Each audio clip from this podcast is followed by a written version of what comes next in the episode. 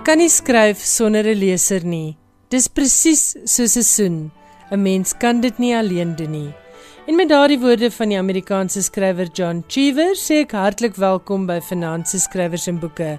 Vanaand kan jy meer hoor oor die UJ Pryse, Nadine Gordimer, The Guardian se lys van die 10 beste boeke van die afgelope 20 jaar, Dante se Inferno en die kortlys van die Dublin Letterkundeprys. Ek is Elsje Salzwetel en ek hoop jy kuier vanaand heerlik saam met my en Johan Meiburg.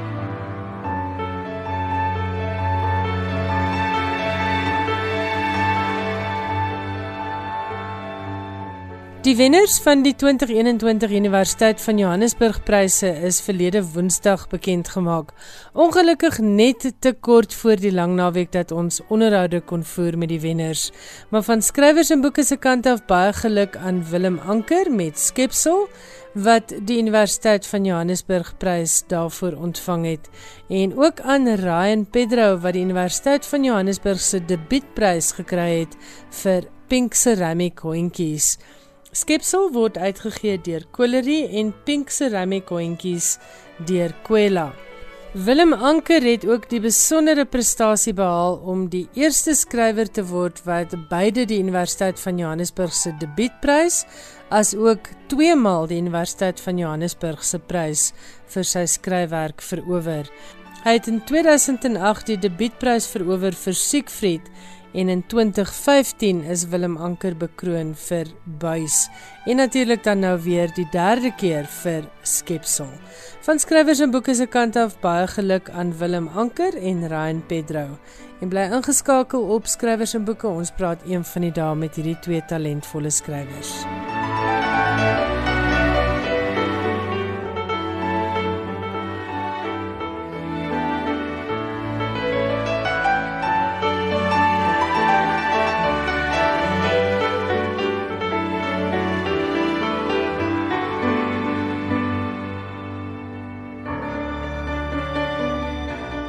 Vanjaar 30 jaar gelede in 1991 het die Suid-Afrikaanse skrywer Nadine Gordimer die eerste Suid-Afrikaner geword wat die Nobelprys vir letterkunde ontvang het. Sy was die eerste vrou in 25 jaar aan wie hierdie gesogte prys toegekend is en op daardie stadium in 1991 slegs die sewende vrou wat die prys ontvang het sedert dit ingestel is in 1895. Die enigste Suid-Afrikaner wat sedertdien die Nobelprys vir letterkunde ontvang het, was J.M. Coetzee. Godimer was sowel geliefd as verag vir haar sterk politieke menings. In haar lewenstyd het sy 10 romans en meer as 200 kortverhale geskryf en van haar werk is deur die destydse NP regering verban. In die kommendasie vir die prys het die Nobelpryspaneel haar geprys vir haar epiese skryfwerk, haar medemenslikheid en haar buitengewone literêre styl. Sy is in 2014 in die ouderdom van 91 jaar oorlede. Ons luister nou na Nadine Gordimer se Nobelprys aanvaardingstoespraak, soos gelewer tydens die Gramstad se Winterskryfskool in 1992. Die titel van haar toespraak is Writing and Being. Ek hoop jy geniet dit.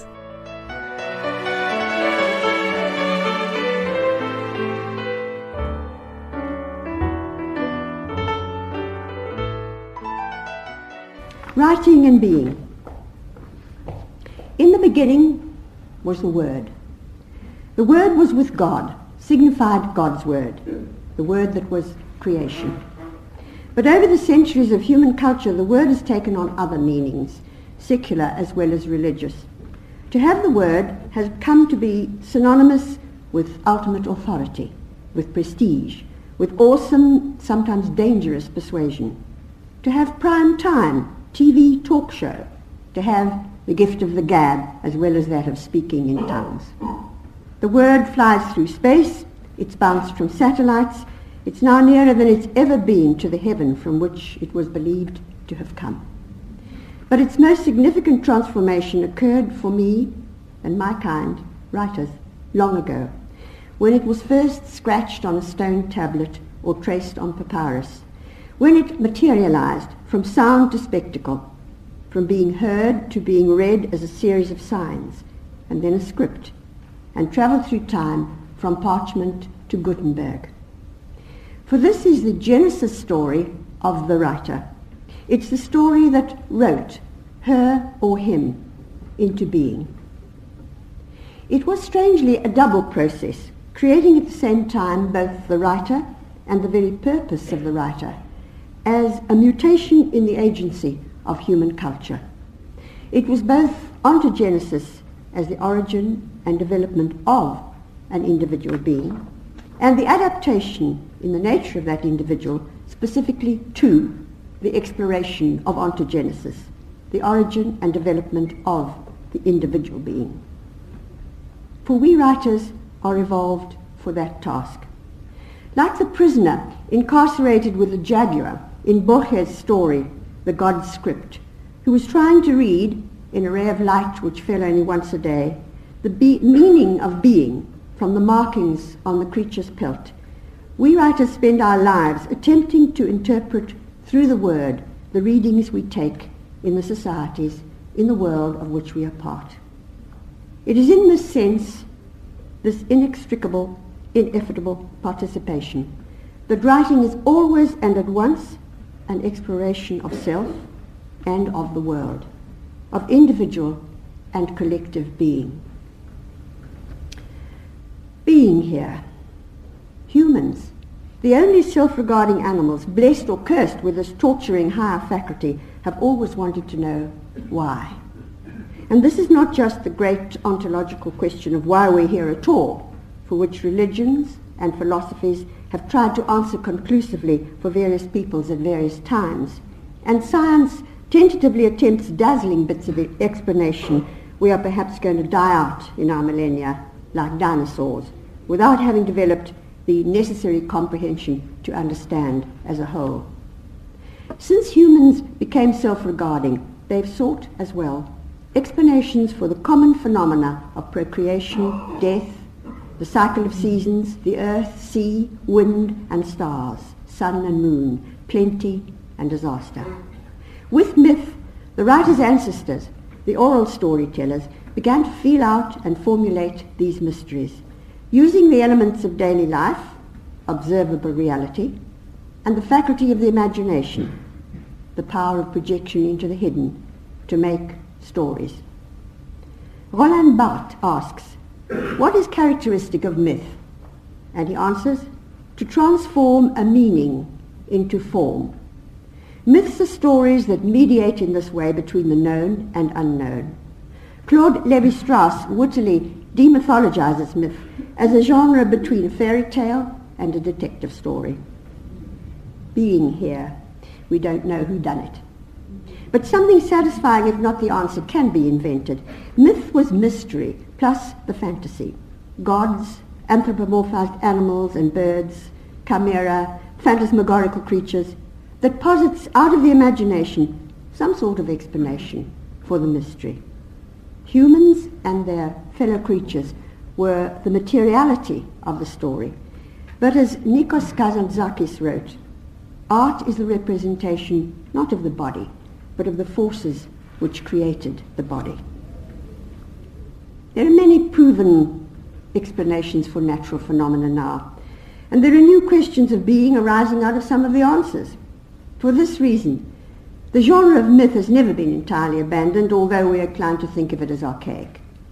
If it dwindled to the children's bedtime tale in some societies, in parts of the world protected by forests or deserts from international megaculture, it has continued alive to offer art as a system of mediation between the individual and being. And it's made a whirling comeback out of space, an Icarus in the avatar of Batman and his kind, who never fall into the ocean of failure to deal with the gravity forces of life. These new myths, however, don't seek so much to enlighten and provide some sort of answers as to distract to provide a fantasy escape route for people who no longer want to face even the hazard of answers to the terrors of their existence. The forces of being remain. They're what the writer, as distinct from the contemporary popular mythmaker, still engages today, as myth in its ancient form attempted to do. How writers have approached this engagement and continue to experiment with it has been and is, perhaps more than ever, the study of literary scholars. The writer in relation to the nature of perceivable reality and what is beyond, imperceivable reality, is the basis for all these studies, no matter what resulting concepts are labeled, and no matter in what categorized microfiles writers are stowed away for the annals of literary historiography.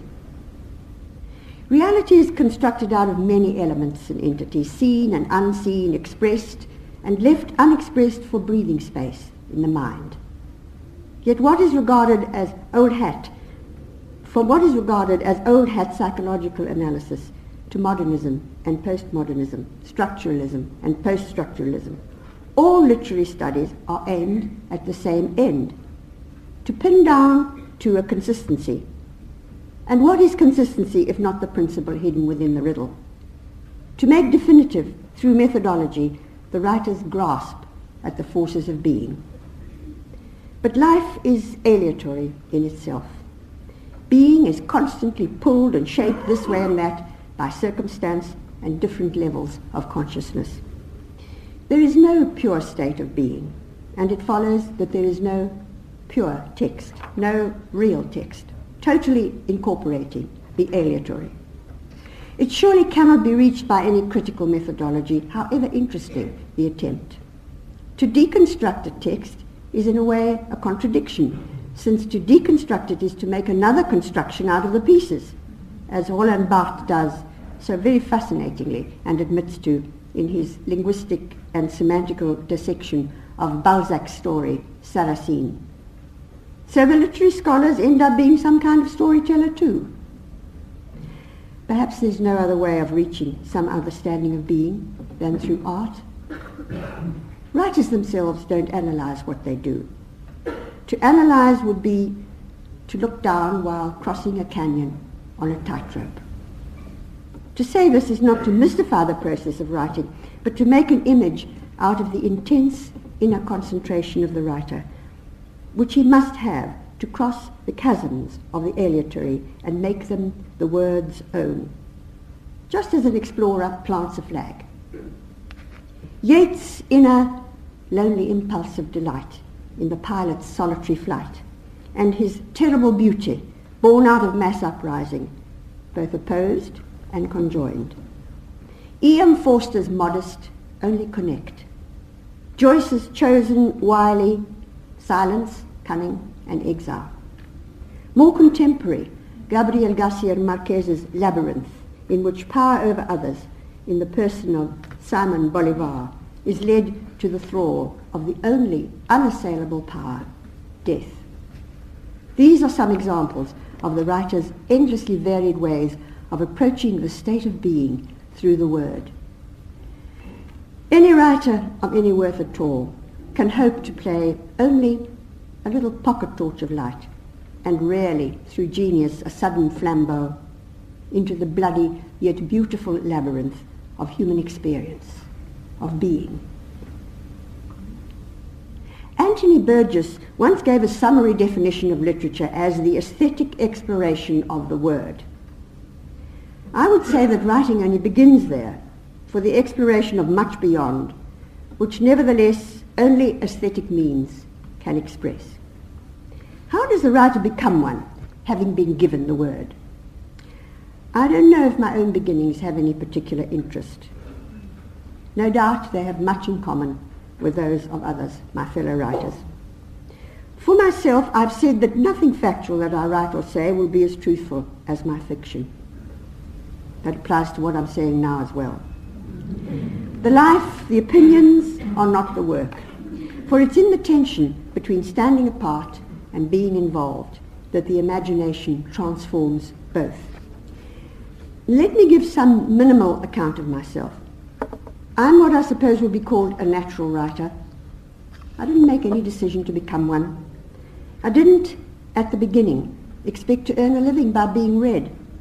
I wrote as a child out of the joy of apprehending life through my senses, the look and scent and feel of things. And soon out of the emotions that puzzled me or raged within me and which took form and found some enlightenment, solace, and delight shaped in the written word. There's a little Kafka parable that goes like this. I have three dogs. Hold him, seize him, and never more. Hold him and seize him are ordinary little schipperkes, and nobody would notice them if they were alone. But there is Nevermore, too. Nevermore is a mongrel, a mongrel Great Dane, and has an appearance that centuries of the most careful breeding could never have produced. Nevermore is a gypsy. In the small South African gold mining town where I was growing up, I was never more the mongrel, although I could scarcely have been described as a Great Dane. but I was never more the mongrel in whom the accepted characteristics of the townspeople could not be traced. I was the gypsy, tinkering with words, second hand, mending my own efforts at writing by learning from what I read. For my school was the local library. Proust, Chekhov, Dostoevsky, to name only a very few to whom I owe my existence as a writer, were my professors. In that period of my life, yes, I was evidence of the theory that books are made out of other books. But I didn't remain so for long, nor do I believe any potential writer could. With adolescence comes the first reaching out to otherness through the drive of sexuality.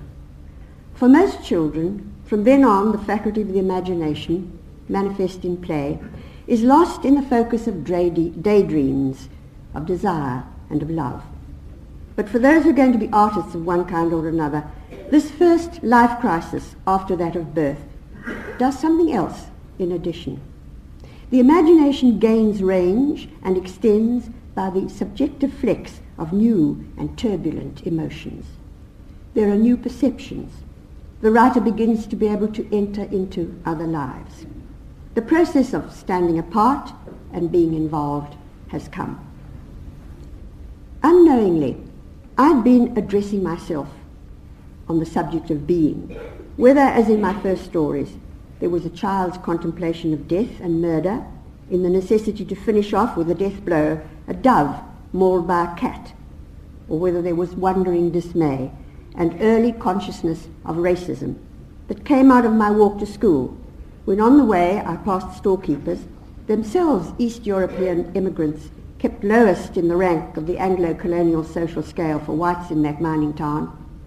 These people roughly abusing those whom colonial society ranked lowest of all, below them, discounted as less than human, the black miners who were the store's customers. Only many years later was I to realize that if I had been a child in that category, black, I might not have become a writer at all, since the library that made this possible for me was not open to any black child. To address oneself to others begins a writer's next stage of development. To publish to publish to anyone who would read who would read what I wrote. That was my natural, innocent assumption of what publication meant. And it hasn't changed. That is what it means to me today, in spite of my awareness that most people refuse to believe that a writer does not have a particular audience in mind. And my other awareness of the temptations, conscious and unconscious, which lure the writer into keeping a corner of the eye on who will take offence, who will approve what is on the page. A temptation that, like Orpheus's straying glance, will lead the writer back into the shades of a destroyed talent. The alternative is not the malediction of the ivory tower, another destroyer of creativity. Borges once said he wrote for his friends and to pass the time. I think this was an irritated, flippant response to the crass question, often an accusation, for whom do you write? Just as Sartre's admonition that there are times when a writer should cease to write and act upon being only in another way, was given in the frustration of an unresolved conflict between distress at injustice in the world and the knowledge that what he knew how to do best was to write. Both Borges and Sartre, from their totally different extremes of denying literature a social purpose, were certainly perfectly aware that it has its implicit and unalterable social role in exploring the state of being, from which all other roles, personal among friends, public at the protest demonstration, derive. Borges was not writing for his friends, for he published, and we all have received the bounty of his work. And Sartre did not stop writing, although he stood at the barricades in 1968. The question of for whom do we write nevertheless plagues the writer. It's a tin can attached to the tail of every work published. Principally, it jangles the inference of tendentiousness as praise or denigration. In this context, Camus dealt with the question best. He said that he liked individuals who take sides more than literatures that do. One either serves the whole of man, or one does not serve him at all. And if man needs bread and justice, and if what has to be done must be done to serve this need, he also needs pure beauty, which is the bread of his heart. So Camus called for courage in one's life and talent in one's work. And Marquez redefined tendenz fiction thus. The best way a writer can serve a revolution is to write as well as he can.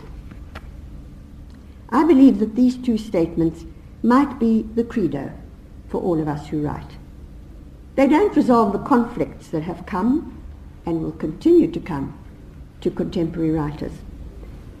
But they do state plainly an honest possibility of doing so. They turn the face of the writer squarely to her and his existence, the reason to be as a writer, and the reason to be as a responsible human acting like any other within a social context. Being here in a particular time and place.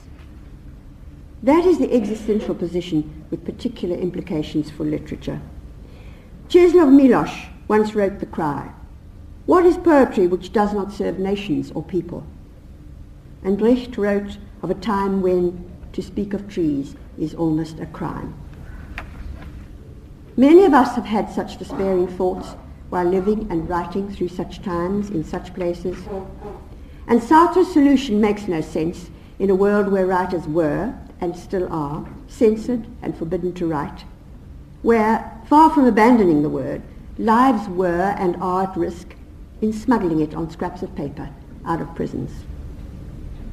The state of being whose ontogenesis we explore has overwhelmingly included such experiences. Our approaches, in Nikos Kazantzakis' words, have to make the decision which harmonizes with the fearsome rhythm of our time. Some of us have seen our books lie for years unread in our countries, in our own countries, banned, and we've gone on writing. Many writers have been imprisoned. Look at Africa alone. Soyinka and Ngugi wa Thiong'o, Jack Mapanje in their countries, and in our own, Jeremy Cronin, Mongane Wally Serote, Breyten Breytenbach, Dennis Brutus, Jaki Seroke, and many others. All these went to prison for the courage shown in their lives and have continued to take the right as poets to speak of trees.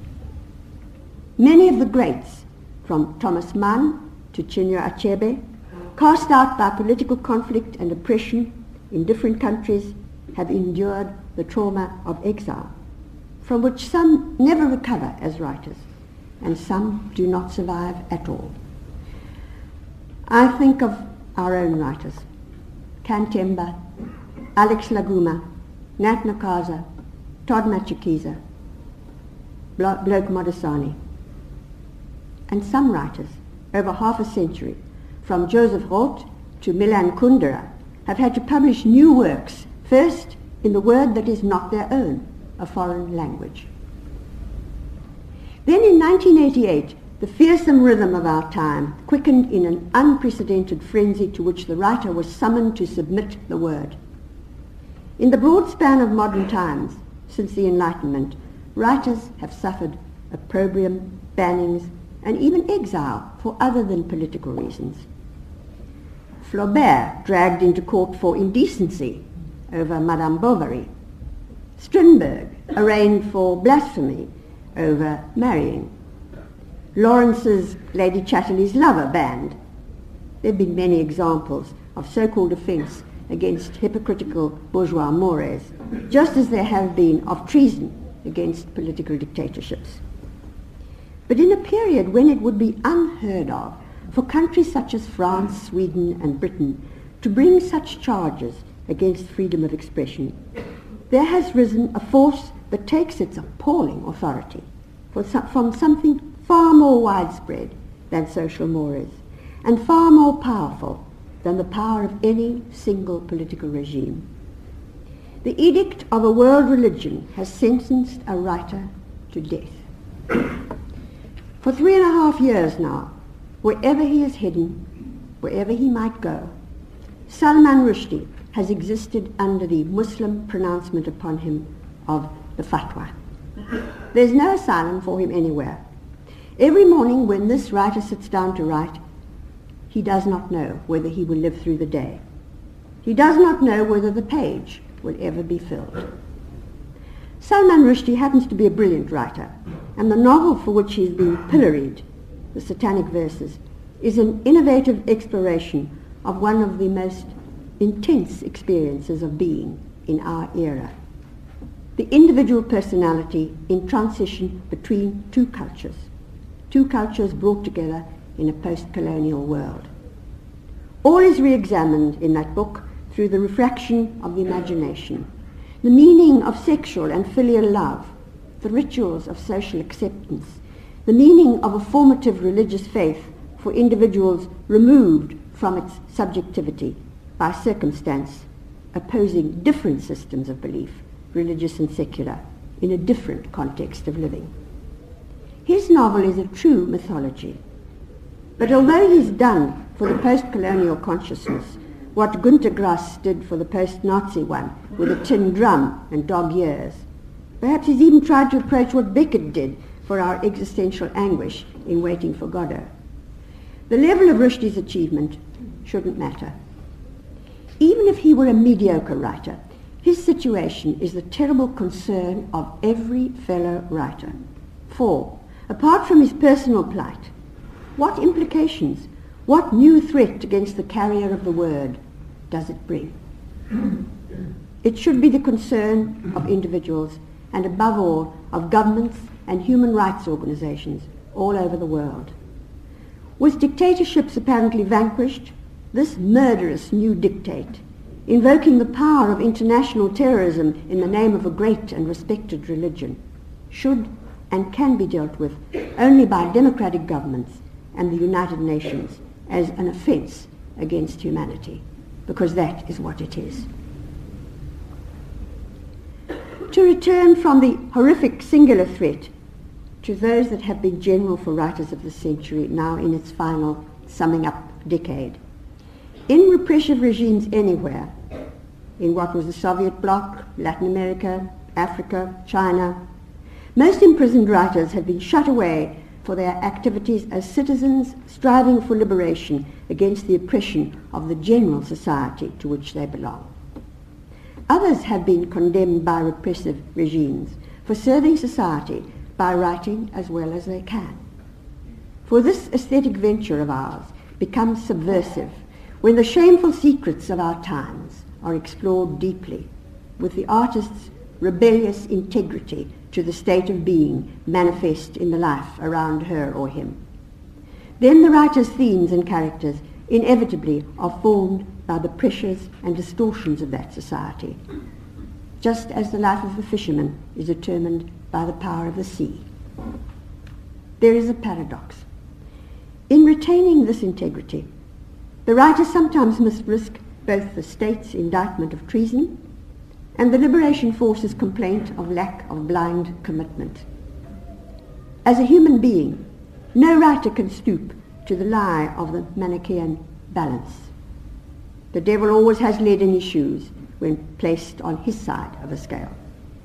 Yet, to paraphrase rather coarsely Marquez's dictum, given by him both as a writer and a fighter for justice, the writer must take the right to explore, warts and all, both the enemy and the beloved comrade in arms, since only a try for the truth, for the truth makes sense of being. Only a try for the truth edges toward justice, just ahead of Yeats' beast slouching to be born. In literature, from life, we page through each other's faces. We read each looking eye. It has taken lives to be able to do so. The words of this poem are those of one of our own poets and a fighter for justice and peace in our country, Mongane Wally Serote. The writer is of service to humankind only insofar as the writer uses the word even against his or her own loyalties, trusts the state of being, as it is revealed, to hold somewhere in its complexity filaments of the cord of truth, able to be bound together here and there in art, trusts the state of being to yield somewhere fragmentary phrases of truth, which is the final word of words. Never changed by our stumbling efforts to spell it out and write it down, never changed by lies, by semantic sophistry, by the dirtying of the word for the purposes of racism, sexism, prejudice, domination, the glorification of destruction, the curses and the praise songs.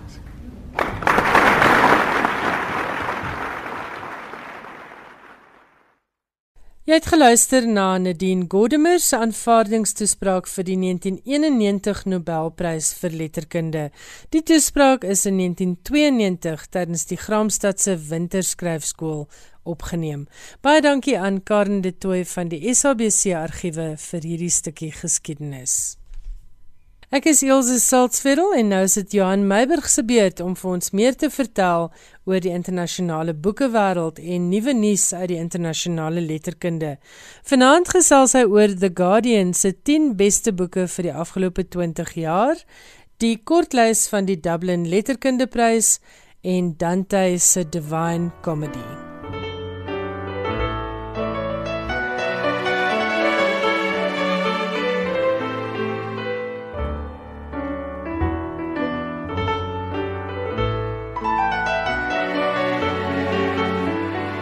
2006 het John Sutherland 'n gids vir lesers saamgestel wat hy noem How to Read a Novel: A User's Guide.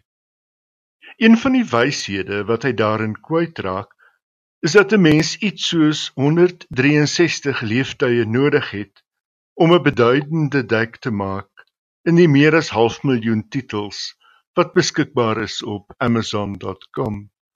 162 meer as die leeftyd waarmee ons besig is. Onbegonne taak, klink dit. Op 'n meer haalbare vlak het The Guardian onlangs 'n lys saamgestel van die 100 boeke wat die koerant meen die boeke van die 21ste eeu is. As jy dus oorweldig voel deur die magdom boeke en as jy meen jy gaan nie eers by die 20ste eeu uitkom by die vroeë klassieke boeke van die eeu nie, boeke soos James Joyce se Ulysses en Virginia Woolf se To the Lighthouse nie. Is daar dalk nog die geleentheid om jou te vergewis van die beste boeke, aldus The Guardian van die afgelope 20 jaar? Die 10 boeke beginnende by nommer 10 is Half a Yellow Sun deur Chimamanda Ngozi Adichie. Die boek het in 2006 verskyn En dis ook die roman waarmee sy die Orange Prys opgeraap het. In die 9de plek is Cloud Atlas deur David Mitchell in 2004 gepubliseer. 'n Boek met stories binne in stories wat strek oor eeue. Die boek is ook vervilm met Halle Berry en Tom Hanks in die rolverdeling. In die 8ste plek is Autumn deur Ali Smith van 2016 een van Smith se seisoenkwartet wat beskryf word as die eerste Brexit roman. In die sewende plek is Between the World and Me deur Tanahisi Coates, 'n besinning oor wat dit beteken om swart te wees in die FSA. The Amber Spyglass deur Philip Pullman wat in 2000 verskyn het, is die derde en laaste roman in die His Dark Materials trilogy. Dis die eerste boek vir jonger lesers wat die Whitbread Boek van die Jaarprys verower het. Die boek het in 2000 verskyn. Austerlitz deur W.G. Sebald vertaal deur Anthea Bell is die laaste roman voor Sebald se dood in 2001. Tussen feit en fiksie gaan dit in die roman oor 'n man wat die Joodse diaspora in die 21ste eeu gaan naspeur. Never Let Me Go deur Kazuo Ishiguro, 'n roman oor sterflikheid, verlies en wat dit beteken om mens te wees, het in 2005 verskyn en lê in die 4de plek. In die 3de plek is Second Hand Time deur Svetlana Alexievich, geskryf in 2013 en die boek het in vertaalde vorm deur Bela Sayesevich in 2016 verskyn. Dis 'n boekstawing van die mondelinge tradisie uit die tyd van die Sowjetunie deur die Belorussiese Nobelpryswenner. In die tweede plek is Gilead deur Marilyn Robinson, haar roman wat in 2004 verskyn het. In die eerste plek behoort aan Wolf Hall deur Hilary Mantel wat in 2009 gepubliseer is en ook die roman is waarmee Mantel die Booker en die National Book Critics Circle Prys verower het.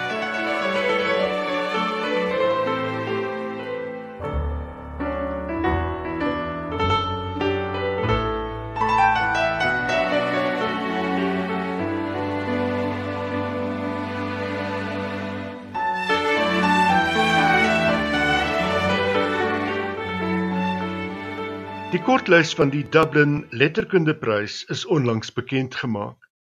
Die prys met wengeld van sowat 1,8 miljoen rand is die wêreld se rykste prys vir 'n roman wat in Engels gepubliseer is.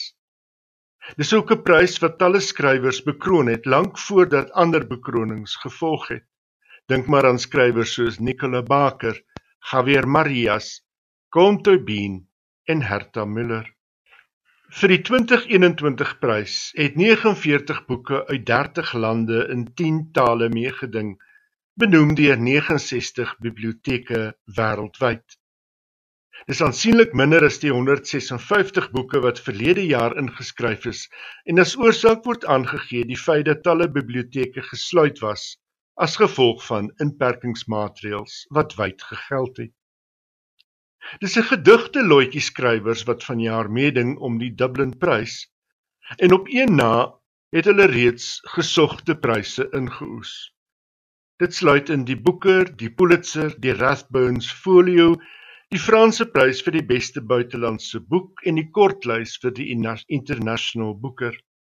Die ses boeke op die kortlys het almal tussen Januarie 2019 en Junie 2020 verskyn. Aperogon deur Colm McCann is 'n boek wat verlede jaar op die langlys van die Booker was. McCann het die Dublin Prys in 2011 verower met Let the Great World Spin. Girl Woman Other is die roman waarmee Bernardine Evaristo Booker roem behaal het. Hurricane Season, die roman wat op die kortlys was van die Booker International deur die Amerikaanse skrywer Fernanda Melchor, vertaal deur Sophie Hughes, is ook op die kortlys. En so ook Lost Children Archive, die roman waarmee Valeria Luiselli verlede jaar die Rathbones Folio Prys gewen het. On Earth We're Briefly Gorgeous, deur die Vietnamees-Amerikaanse skrywer Ocean Wong is benoem Dit is Wong wat vroeër die T.S. Eliot Poesieprys gewen het, sy eerste roman. En The Nickel Boys deur die Amerikaanse skrywer Colson Whitehead. Die roman het reeds die Pulitzerprys vir fiksie ingeoes. Die wenner word op 20 Mei bekend gemaak.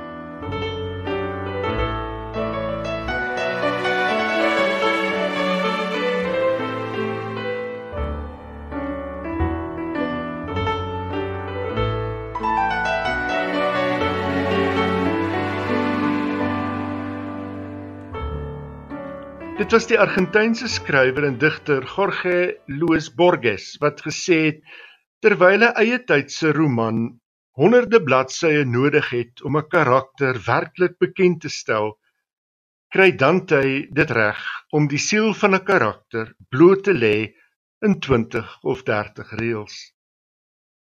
Borges se verwysing was die Commedia of Commedia Divina soos Boccaccio na Dante se epiese gedig verwys het wat in Afrikaans vertaal is as die goddelike komedie. Die gedig van 14000 versreëls is in 1320 voltooi, die jaar voor Dante se dood in 1321, 700 jaar gelede. Oral ter wêreld word die lewe en werk van Dante Alighieri vanjaar gedenk. Aan die een kant vir sy onsterflike poësie en aan die ander kant vir sy poësie waarmee hy gestalte gegee het aan Italiaans as taal. In die land word hy Sommo Poeta genoem, opperste digter. Maar Dante is waarskynlik ook die een digter waarvan meer mense weet sonder dat hulle ooit sy werk gelees het. Sy naam is bekend die verhaal van sy lewe en sy verbanning uit Florence en so ook sy liefde vir Beatrice. Hoewel baie mense huiwer en selfs daarvoor terugduins om hom te lees. Moontlik omdat daar soveel verwysings is na die klassieke wêreld, die van die Bybel, van middeleeuse skryfwerk, teologie, filosofie, asook politieke en historiese kwessies. Miskien is dit nou 700 jaar na die dood van Dante die aangewese ding om Dante van nader te bekyk. Daar is ook die Engelse vertaling deur Henry Wadsworth Longfellow wat in die laat 19de eeu verskyn het. Dit was Borges wat gesê het dat niemand hom of haarself van die vreugde moet weerhou om Dante se Divine Comedy te lees nie. Hier lees Robert Hollander Dante Kenner. Die eerste deel uit Inferno, die begin van The Divine Comedy voor. Midway in the journey of our life, I came to myself in a dark wood, for the straight way was lost. Ah, how hard it is to tell the nature of that wood. Savage, dense, and harsh. The very thought of it renews my fear. It is so bitter, death is hardly more so. But to set forth the good I found, I will recount the other things I saw. How I came there I cannot really tell. I was so full of sleep when I forsook the one true way. But when I reached the foot of a hill, there, where the valley ended, that had pierced my heart with fear, looking up, I saw its shoulders arrayed in the first light of the planet that leads men straight, no matter what their road. Then the fear that had endured in the lake of my heart all the night I spent in such distress was calmed. And as one who with laboring breath has escaped from the deep to the shore turns and looks back at the perilous waters, so my mind, still in flight, turned back to look once more upon the past no mortal being ever left alive. After I rested my wearied flesh awhile, I took my way again along the desert slope, my firm foot always lower than the other. But now, near the beginning of the steep, a leopard, light and swift and covered with a spotted pelt, refused to back away from me, but so impeded barred the way, that many times I turned to go back down. It was the hour of morning when the sun mounts with those stars that shone with it when God's own love first set in motion those fair things, so that, despite that beast with gaudy fur, I still could hope for good, encouraged by the hour of the day and the sweet season, only to be struck by fear when I beheld a lion in my way. He seemed about to pounce, his head held high and furious with hunger, so that the air appeared to tremble at him. And then a she-wolf, who, all hide and bones, seemed charged with all the appetites that have made many live in wretchedness, so weighed my spirits down with terror, which welled up at the sight of her, that I lost hope of making the ascent. And like one who rejoices in his gains, but when the time comes and he loses, turns all his thought to sadness and lament, such did the restless beast make me. Coming against me, step by step, it drove me down to where the sun is silent. While I was fleeing to a lower place, before my eyes a figure showed, faint, in the wide silence. When I saw him in the vast desert, Have mercy on me, whatever you are, I cried, whether shade or living man. He answered, Not a man, though once I was. My parents were from Lombardy. Mantua was their homeland. I was born sub Julio, though late in his time, and lived at Rome under good Augustus in an age of false and lying gods. I was a poet, and I sang the just son of Anchises come from Troy after proud Ilium was put to flame. But you, why are you turning back to misery? Why do you not climb the peak that gives delight, origin, and cause of every joy. Are you then Virgil, the fountainhead that pours so full a stream of speech? I answered him, my head bent low in shame. O glory and light of all other poets, let my long study and great love avail that made me delve so deep into your volume. You are my teacher and my author. You are the one from whom alone I took the noble style that has brought me honor. See the beast that forced me to turn back. Save me from her, famous sage. She makes my veins and pulses tremble. It is another path that you must follow, he answered when he saw me weeping. If you would flee this wild and savage place. For the beast that moves you to cry out lets no man pass her way but so besets him that she slays him. Her nature is so vicious and malign, her greedy appetite is never sated. After she feeds, she is hungrier than ever. Many are the creatures that she mates with, and there will yet be more, until the hound shall come who'll make her die in pain. He shall not feed on lands or lucre, but on wisdom, love, and power. En dit was die stem van Robert Hollander, Dante kenner wat voorgeles het uit Dante se Divine Comedy. Baie dankie Johan Meiburg, baie interessant en insiggewend soos altyd.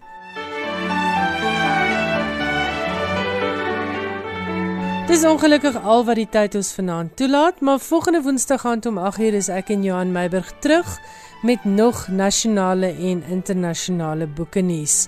Tot dan, onthou om ingeskakel te bly op RSG. Ons is nog steeds 24 ure 'n dag daar vir jou luistergenot. En ek hoop jy het 'n stapel wonderlike leesgoed vir die week wat voorlê. Tot volgende Woensdag aand om 8:00. Lekker lees, mooi bly en pas jouself en jou mense mooi op. Totsiens.